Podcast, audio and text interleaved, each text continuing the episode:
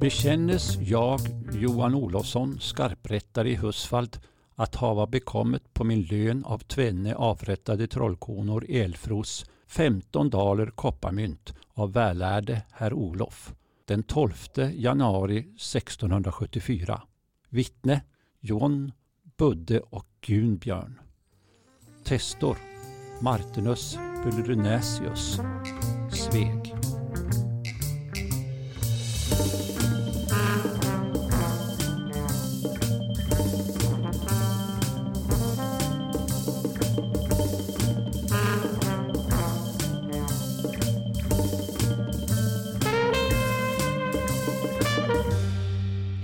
Och välkomna till Arkivpodden Dokumenten berättar. Jag heter Jim Hedlund och vi sänder nu från vår lilla poddstudio här i Östersund. Och det ni hörde nyss, det var det här som lästes upp alltså, det var en räkning från en bödel till Kungliga Majt. För den här bödeln hade avrättat två kvinnor för häxeri. Det här är ruskigt värre det här ju. Men vi lämnar det ett tag och så ska vi hälsa välkommen en liten yngre gäst till vår studio. Jag säger välkommen hit Ivan Grutt. Tackar, tackar. Vad jag förstår så är du väldigt intresserad av historia och, och lyssnar gärna på olika poddar. Faktiskt på den här arkivpodden. Men först vill jag ju fråga, hur gammal är du Ivan? Uh, jag är tio år. Um, och jag brukar ju lyssna på Arkivpodden uh, och sedan lyssnar jag på alla möjliga historiepoddar. Där hör ni, arkivens historiska skatter lockar ju inte bara oss gamla rävar utan även barn och unga. Och nu är det ju så här Ivan, du har tagit med dig en kopia av ett dokument som berättar. Vad är det du har tagit med dig? Ja, jag har tagit med mig ett bödelskvitto. Ja, och det var ju just det här vi hörde från början. Det är ju ett underlag för en räkning på 15 daler kopparmynt som den här böden Johan Olofsson från Hudiksvall skulle inkassera för sitt arbete. Då. Man kan väl också säga då, Ivan, att det här är ett bevis på att de här häxorna, eller kvinnorna, faktiskt blev avrättad för häxeri. Och det här är ju riktigt hemskt tycker jag, för, för, för det finns ju inga häxor. Nej, men det var många som fick mista livet för just det under 1600-talet. Ja, så är det ju Ivan. Du har ju helt rätt i det. Och under den här sommaren 1673 så stod faktiskt 25 personer inför rätta vid Svegs tingslag här i dagen. Och de, här, de skulle ju enligt de här anklagelserna ha fört med sig barn till Blåkulla och att de hade, ju, ja, de hade gått i förbund med Satan. Men det blev ju två av de här som dömdes till döden och det var den 50-åriga änkan Gertrud Jonsdotter och så var det Sigrid Eriksdotter, hon var ju 70 år hon då. Och båda kom från den här lilla byn Älvros utanför Sveg. Och straffet för häxeri det var ju som sagt halshuggning och att sen brännas på bål. Så det var ju riktigt hemska tider. Så här, allt var ju inte bättre förr.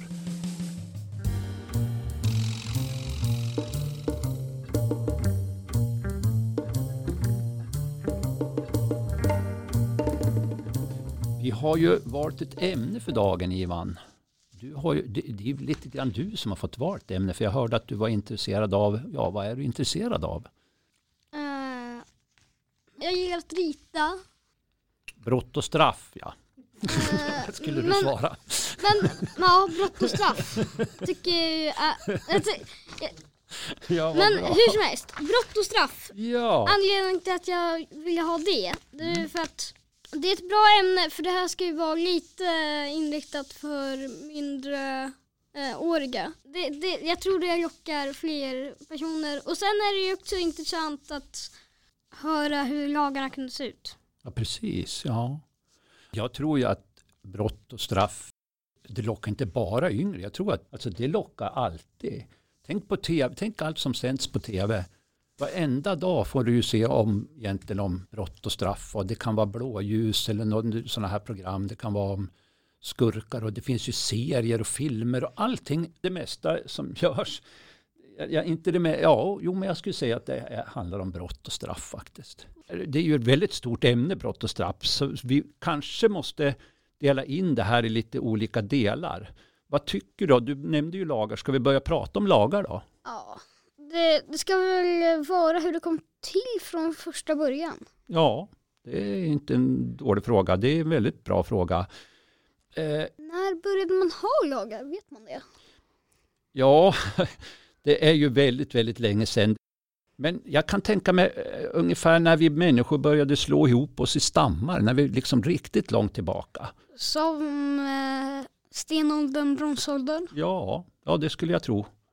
Man har ju alltid gjort upp, det tror jag, eh, gjort upp regler hur det ska fungera i grupperna eller i ett samhälle. Och, och vi människor är ju sociala varelser så eh, vi har ju haft lätt att organisera oss. Och då behövs det regler? Ja, det kunde ju vara regler om hur man skulle samarbeta och, och vad som skedde om någon förstörde för hela gruppen. Det, och, och det här kunde ju hänga på hela gruppens överlevnad, så det här var ju ganska viktigt. De här reglerna var väl ett slags lagar egentligen? Ja, ja visst. Även om man inte hade dem nedskrivna så skulle ju alla i de här grupperna lära sig dem. Mm, men man skulle ju kunna tänka sig att det blev för många regler någon gång. Så är det ju.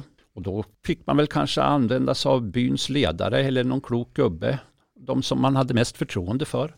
Det var ju tur att människan uppfann skriftspråket ändå. Då kunde man ju skriva ner alla lagar och regler när det blev för många.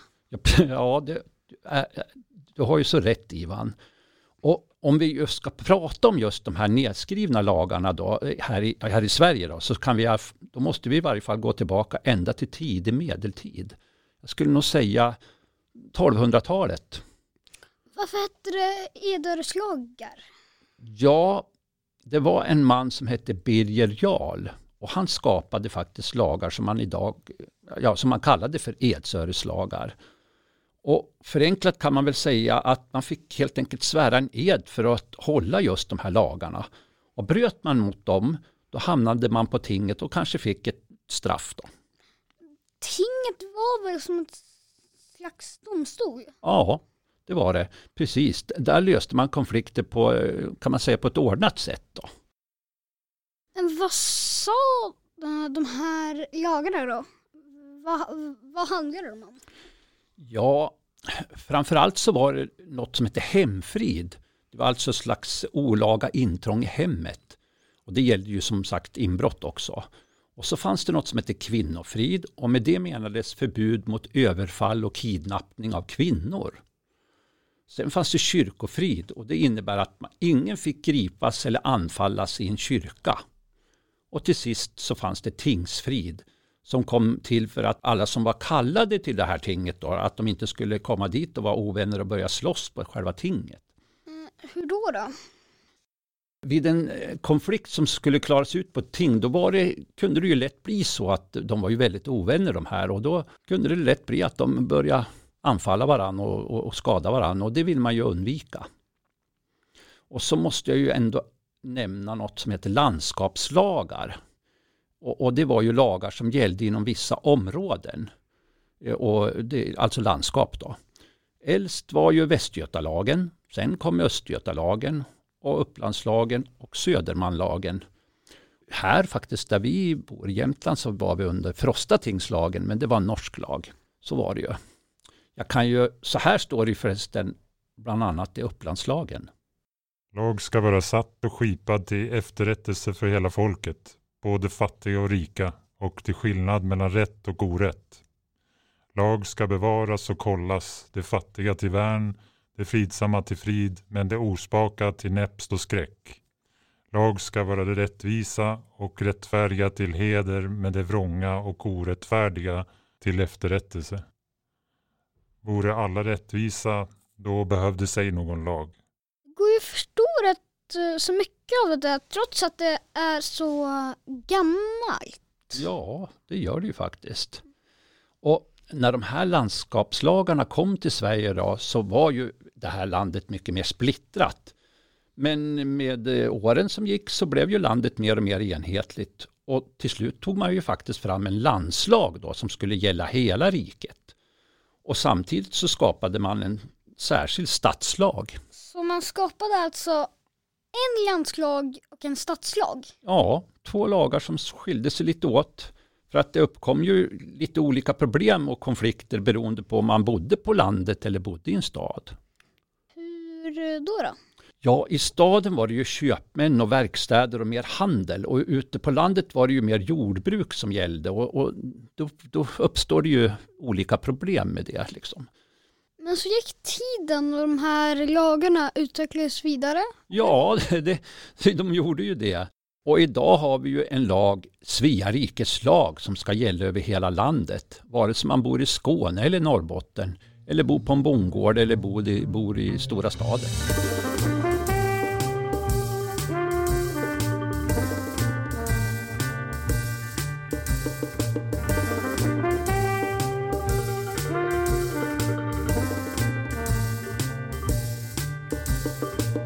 Lagarna står ju också vilka påföljder man får för olika brott.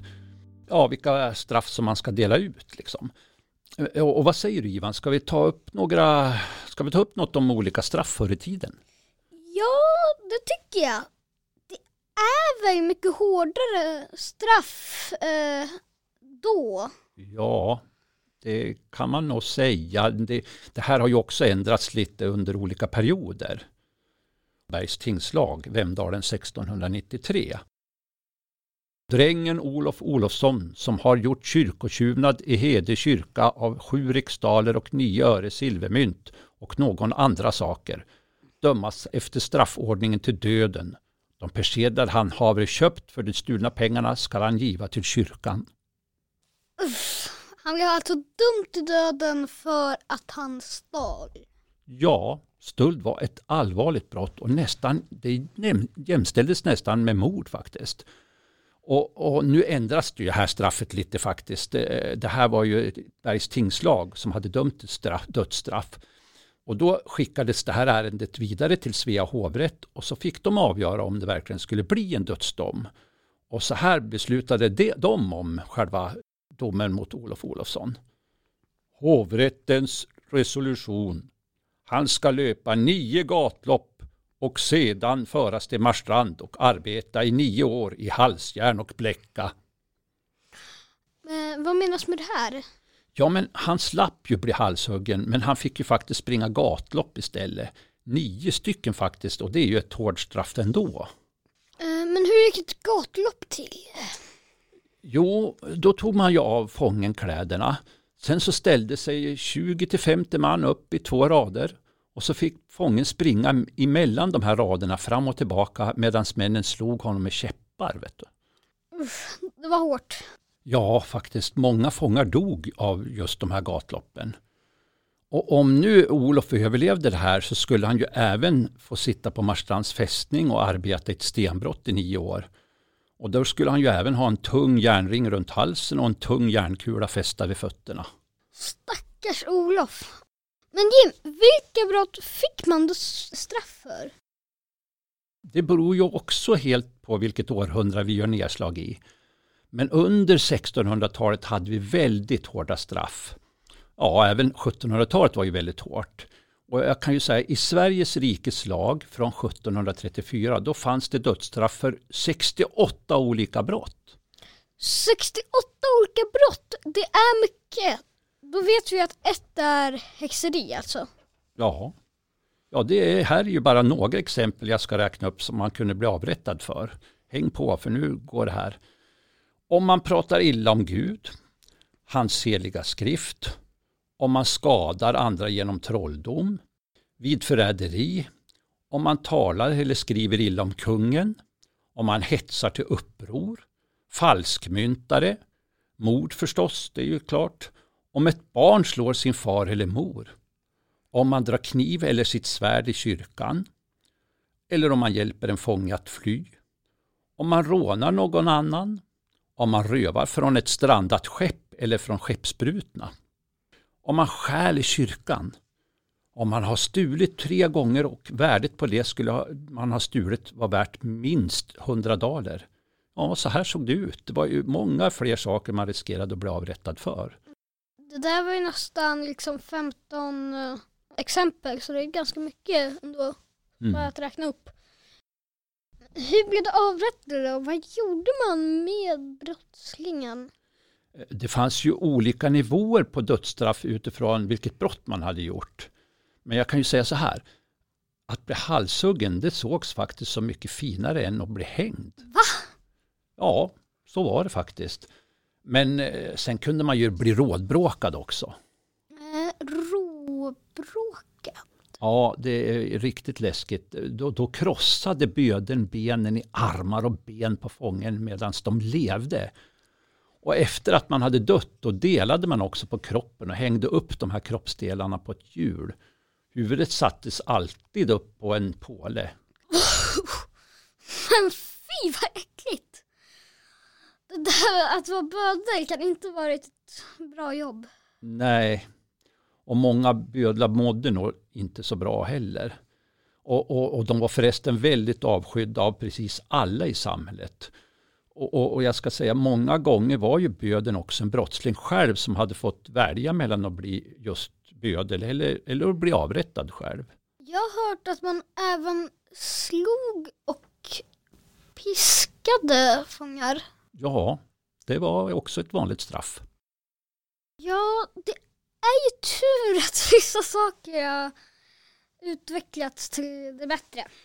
Det där var väldigt bra sagt för det är ju tur det. Och, och, och jag kan ju säga dödsstraffet det avskaffades i Sverige 1921. Det är ju nästan hundra år sedan. Ja, Det finns ju så många olika sorters brott. Vet man vilka brott som var vanligast? Ja, det där beror nog helt på vilken tid man tittar på. Till exempel om vi tar för 150 år sedan då. Då var det vanligaste med så kallade, jag kallar dem för nödbrott. Man, man stal och gjorde inbrott på grund av fattigdom. Fylleri och slagsmål var också vanliga saker som man kunde bli häktad för. Ja, och så just tiggeri såg som ett brott. Ur fångvårdsanstalten i Östersunds arkiv fångrulla för år 1872. Matilda Eleonora Griberg, 33 år. Född och skriven i Stockholm, häktad för lösdriveri. Yrke piga, civilstånd ogift. Med sig hade hon sina två oäkta barn, Katrina Eleonora, två år, och Johan Gustav, en månad gammal. Den 18 september 1872 togs Matilda med sina två minderåriga barn in på fängelset för lösdriveri. Det beslutades att de skulle sändas tillbaka till Stockholm den 21 september med fångskjuts och där överlämnas till stadens kungliga befallningsståthållares ämbete.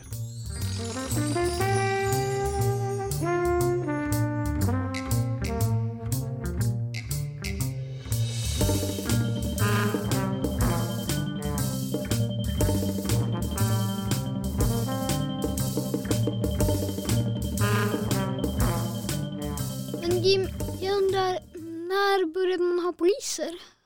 Om vi pratar för riktigt länge sedan så har man nog kanske alltid haft någon slags eh, ordningsman eller vad man ska kalla det. Som skulle hålla ordning på folket i en by eller i ett område. Och, och då valde man ju ut den som var starkast eller och såg som lämpligast med att handskas med människor i olika situationer. Även om de kanske blev våldsamma. Liksom. Så människorna i den där byn valde själva vilken som skulle vara polis eller ordningsman? Ja, det stämmer så ganska bra det. Under medeltiden, alltså ungefär vid mitten av 1300-talet, då fanns det en kung som hette Magnus Eriksson. Och han grundade en stadslag som man brukar säga är Sveriges första polislagstiftning. Då. Och där står det faktiskt tydligt att stadens styrelse, borgmästare och råd hade ansvar att hålla ordningen men även vakta mot eldsvådor. Och då skulle de alltså utse någon borgare, någon medborgare där då, som fick till uppgift att dels bevaka själva ordningen men även det här viktiga som att gå brandvakt om nätterna. Så ehm, det var alltså som en polis och brandman på samma gång? Ja, om nätterna då, då kunde man ju till exempel höra så här då. Klockan ett är slagen, ingen brand. När det började brinna då? Ja, då måste det ha blivit himla liv på de där vakterna. Jag kan väl tänka mig, elden är lös, elden är lös! Och så ringde man ju i klockor för att larma alla då, som bodde i staden. Men hur var det för de som inte bodde i städerna då?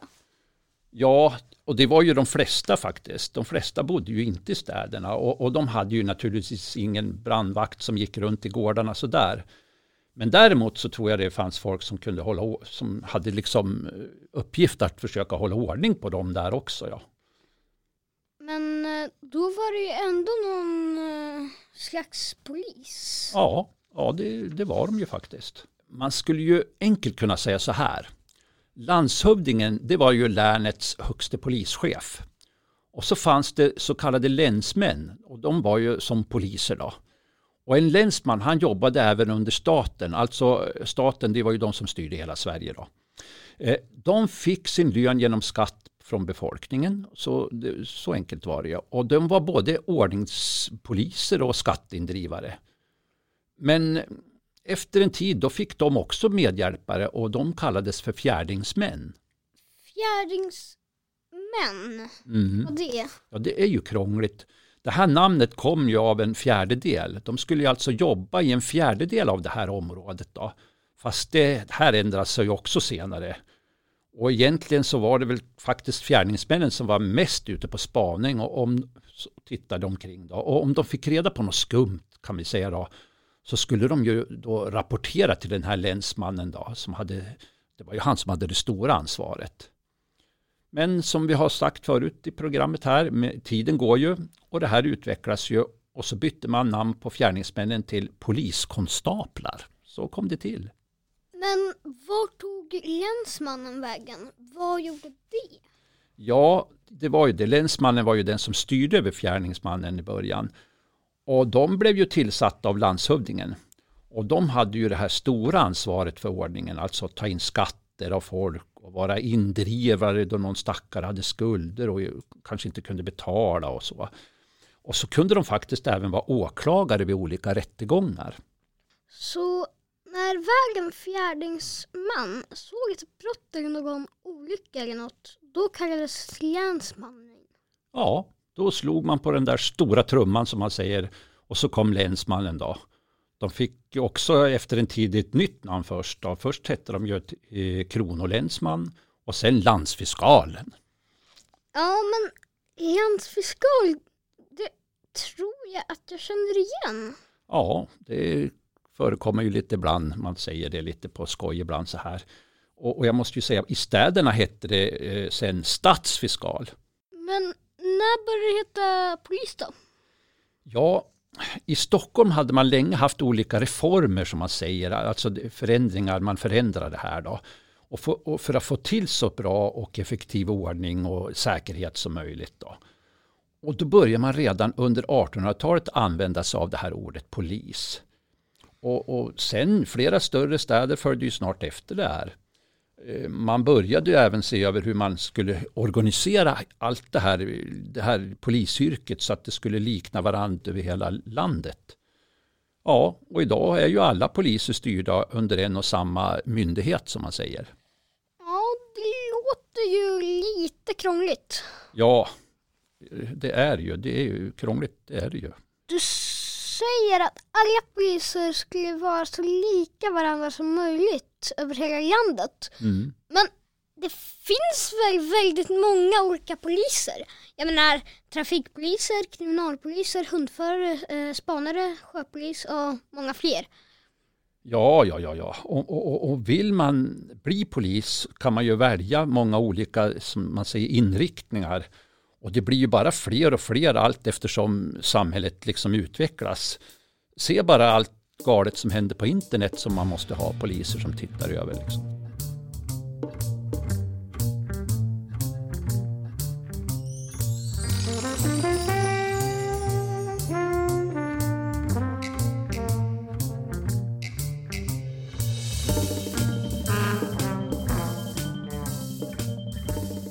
Tänkte på det här med fängelser. Har det alltid funnits fängelser? Nej, inte på det här sättet som vi har idag. Och går vi så långt bakåt som till medeltiden, ja för vi säger 700 år sedan då, då hade man just inga fängelsestraff. Hade man inga straff? Jo, jo, jo, men det hade man ju. Om man hade gjort något brottsligt så då kunde man ju antingen få böter eller så fick man ett kroppsstraff eller i värsta fall dödsstraff. Då. Jaha. Så dödsstraff eller böter eller kroppsstraff. Vad kunde kroppsstraffet vara? Ja, det kunde ju vara allt från att få spö, spöstraff, prygel, piskning och ibland kunde det ju till och med bli någon stympning av någon kroppsdel. Så på den tiden låste man inte in en enda brottsling? Oh, jo, nog, finns, nog fanns det undantag alltså. Särskilt på de där platserna där det fanns slott eller stora herrgårdar. Då kunde man ju riskera att bli nedkastad i någon mörk källarhåla. Men eh, de här slotten och herrgårdarna fanns ju inte överallt runt om i det som då var Sverige. Men vart hade man bovarna innan rättegången? Ja, man, man, tog väl vad man hade. Man kunde ju till exempel låsa in den här skurken i en bod eller en jordkällare eller något sånt där. Och där fick de väl sitta och vänta då på, innan rättegången när de skulle få sitt riktiga straff. Men när kom fängelserna då? Ja, som jag ta, sa tidigare så förvarar man de här eh, som skulle dömas i någon slags byggnad och, och, och, givetvis var ju den låst. Men med tiden då kom man ju faktiskt på det här att brottslingarna även kunde ju straffa till att göra tunga arbeten, till exempel på byggen och sådär. Och, och det kunde ju vara försvarsanläggningar eller så kunde man ju bygga en väg. Och då hade man dem ju inlåsta i så kallade fånghus om nätterna. Då. Det fick alltså straffarbete? Ja, precis. Och, och, nu kunde man ju välja mellan att ge böter, prygel eller skicka stackaren till just straffarbete. Då. Fick det hugga eller eh, hacka sten och så? Ja, en del, vid en del fästningar och stenbrott då kan man väl säga att det hördes alltid något slags ljud av järn mot sten från olyckliga brottslingar som nu sonade sina brott där. Det måste sannerligen varit jättehårt. Ja, det var nog väldigt hårt. Och, och jag måste ju, många straffarbetare arbetade nog faktiskt ihjäl sig där. Hur då? Dels fick man ju väldigt lite mat och, och, och så fick man ju sova i kalla, fuktiga och ganska ohälsosamma celler. Och så var ju arbetet så pass hårt att kroppen helt enkelt inte orkar med. Så, så dog man inte av utmattning fanns ju ändå risken att bli sjuk eller att man dog i någon bristsjukdom. Och, och, och, men eh, jag måste ju nämna en annan form av tvångsarbete. Det var ju att man till exempel hamnade på ett tukthus. Eh, vad är tukthus? Ja, där skulle man ju, skulle ju tuktas i att göra olika arbeten som var till nytta för själva samhället. Då. Och, och i, jag kan nämna i Stockholm hade man under 1600-talet både barn och tukthus, alltså ihop. Då. Och de kallades även för tukt och rasphus. Rasphus? Ja, eh, rasphus. Och det, det, kom ju efter arbetsuppgiften att, att, man, att man ska raspa trä till färgämne. Vad gjorde det mer på ett tukthus?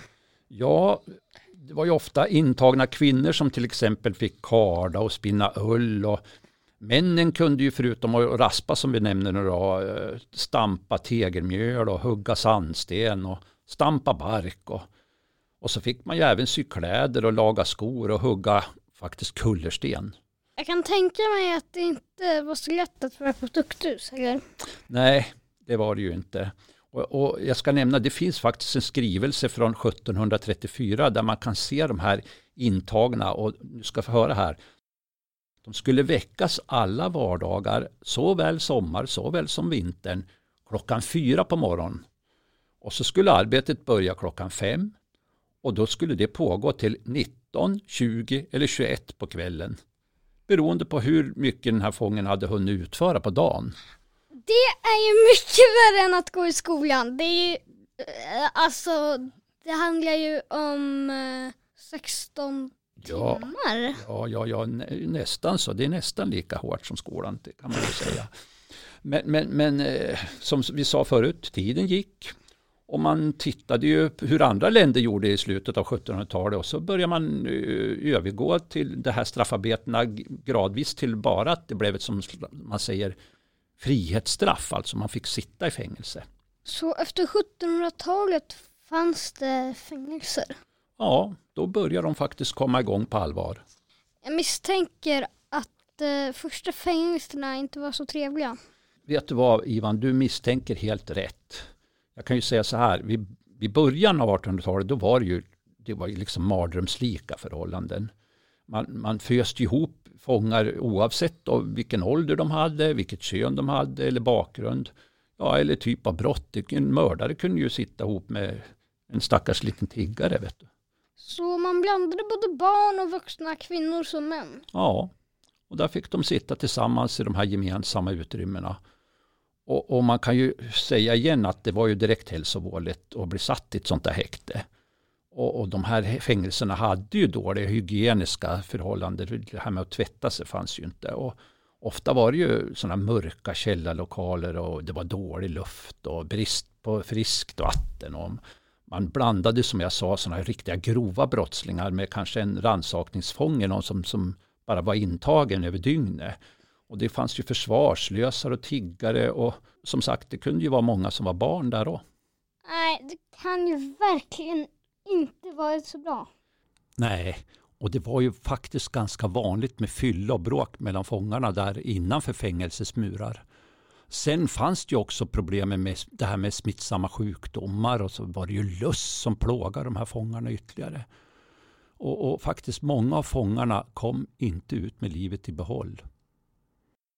Ur fångvårdsanstalten i Östersunds arkiv för året 1813 Jonas Jonsson den äldre som natten mot den nionde nästlidna oktober i fängelset med döden avgått är av skarprättaren i skogen utanför staden nedgräven.